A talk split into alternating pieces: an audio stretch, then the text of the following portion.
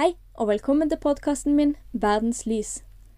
Jeg heter Trude, og i denne podkasten ønsker jeg å forkynne det gode budskapet om verdens lys. Jeg håper du som hører på, vil kjenne deg utfordra og motivert til å leve som et Jesu lys hele uka, uansett hvor du befinner deg. Dagens tekst finner vi i Matteus kapittel 8, vers 5 13. Da Jesus gikk inn i Kapernaum, kom en offiser til ham og ba om hjelp. Herre, sa han, tjenestegutten min ligger lam hjemme og har store smerter. Jesus sa, Jeg skal komme og helbrede ham. Offiseren svarte, Herre, jeg er ikke verdig til at du kommer inn under mitt tak, men si bare ett ord, så vil tjenestegutten min bli helbredet. For jeg står selv under kommando og har soldater under meg. Sier jeg til en, gå, så går han og til en annen 'Kom', så kommer han. Og til min tjener 'Gjør dette', så gjør han det. Jesus undret seg da han hørte dette, og han sa til den som fulgte ham, Sannelig, jeg sier dere, en slik tro har jeg ikke funnet hos noen i Israel.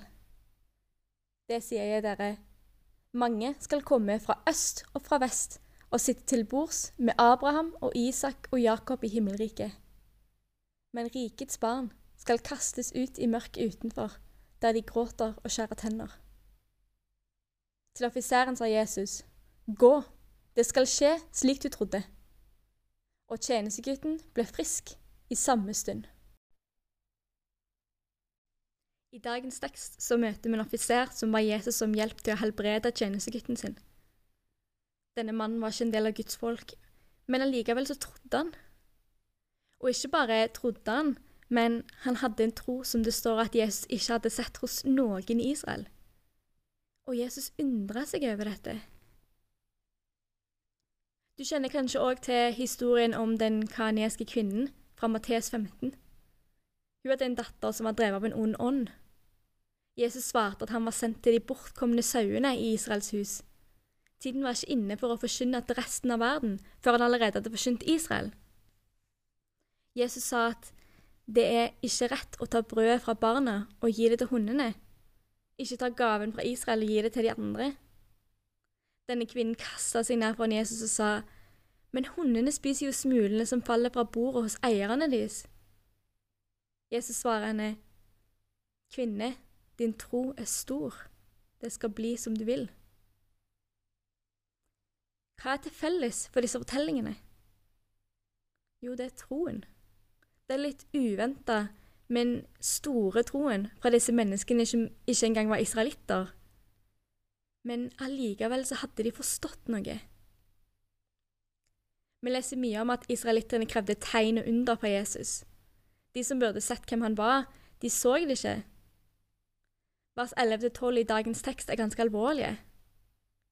Mange skal komme fra øst og fra vest og sitte til bords med Abraham og Isak og Jakob i himmelriket men rikets barn skal kastes ut i mørket utenfor, der de gråter og skjærer tenner.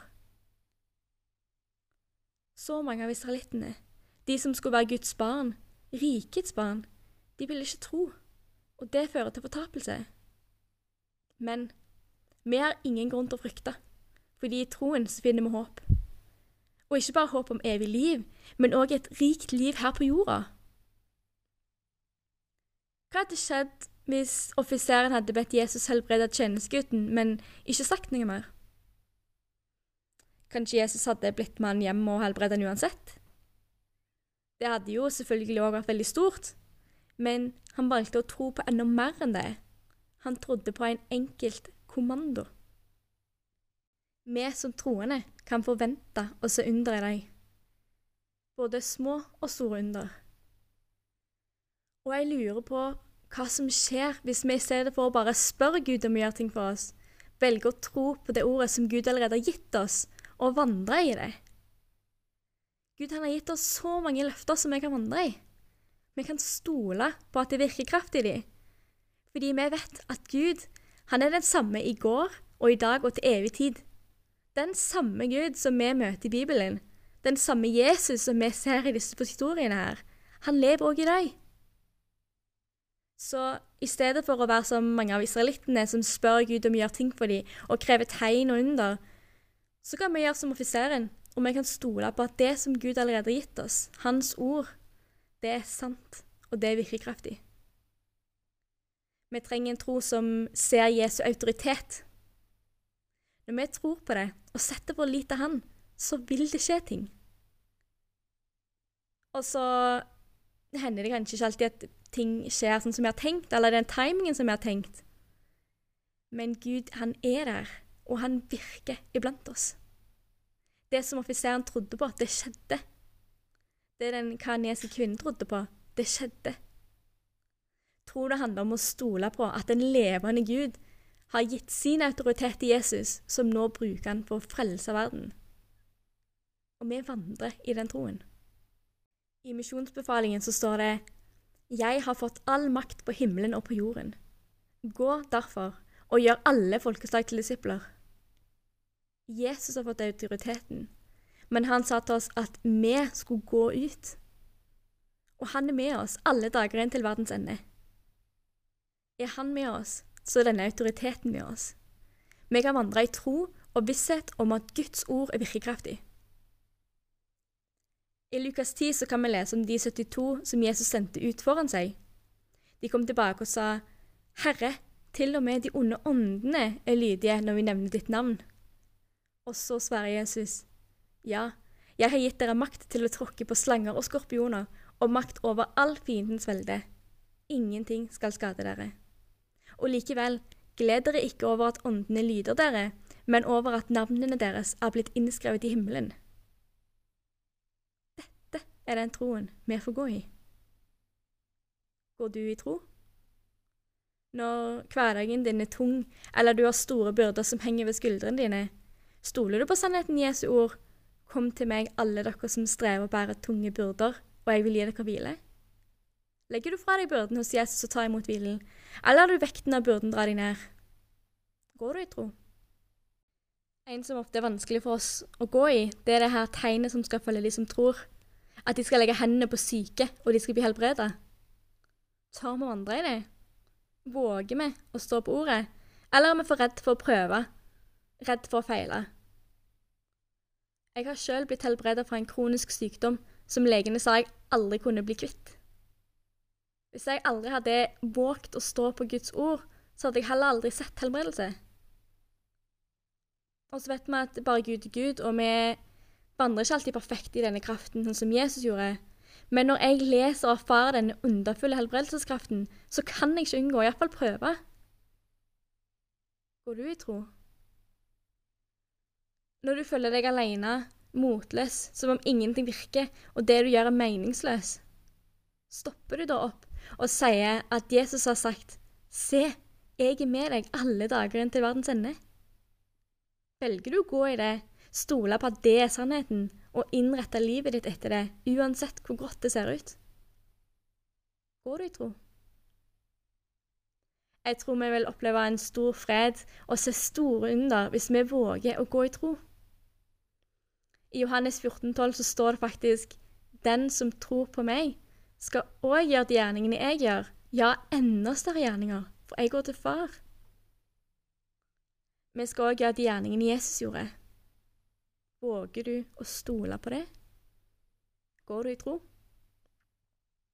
Jeg vil utfordre deg til å gå i tro, til å stå fast på de løftene vi har fått, og våge å handle på dem. La oss ikke se det som verden ser, men la oss se med troens briller. Ting er ikke umulig i Guds rike, selv om det ser umulig ut i menneskers øyne. Ved utvandringen av Egypt var israelittene omringet av faraos menn med sjøen foran dem som den eneste utveien, men ingen måte å krysse den på. Men Gud han delte faktisk havet i to. Og du kjenner kanskje òg til historien om Peter som prøvde å gå til Jesus på vannet, men da han så vinden som tok fatt i bølgene, så begynte han å synke.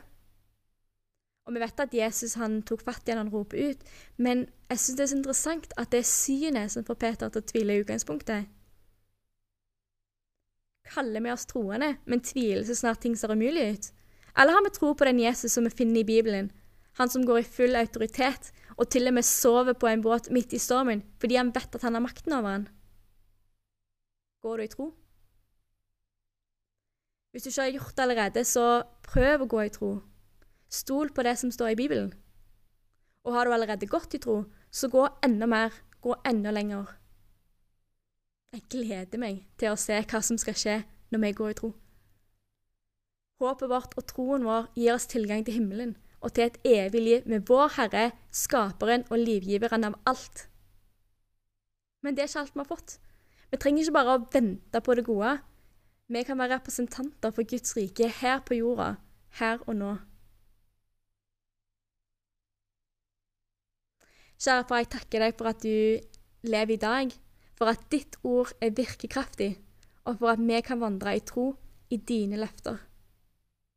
Hjelp oss til å bli frimodige når vi vandrer med deg, og når ting rundt oss virker umulige i menneskelige øyne, hjelp oss til å se situasjonen med troens briller og til å vandre i din kraft. I Jesu navn. Amen. Takk for at du tok deg tid til å høre på denne episoden. Jeg håper du har fått noe godt ut av den, som du kan ta med deg inn i hverdagen når du er lys for andre. Gå i Guds fred og vær velsigna.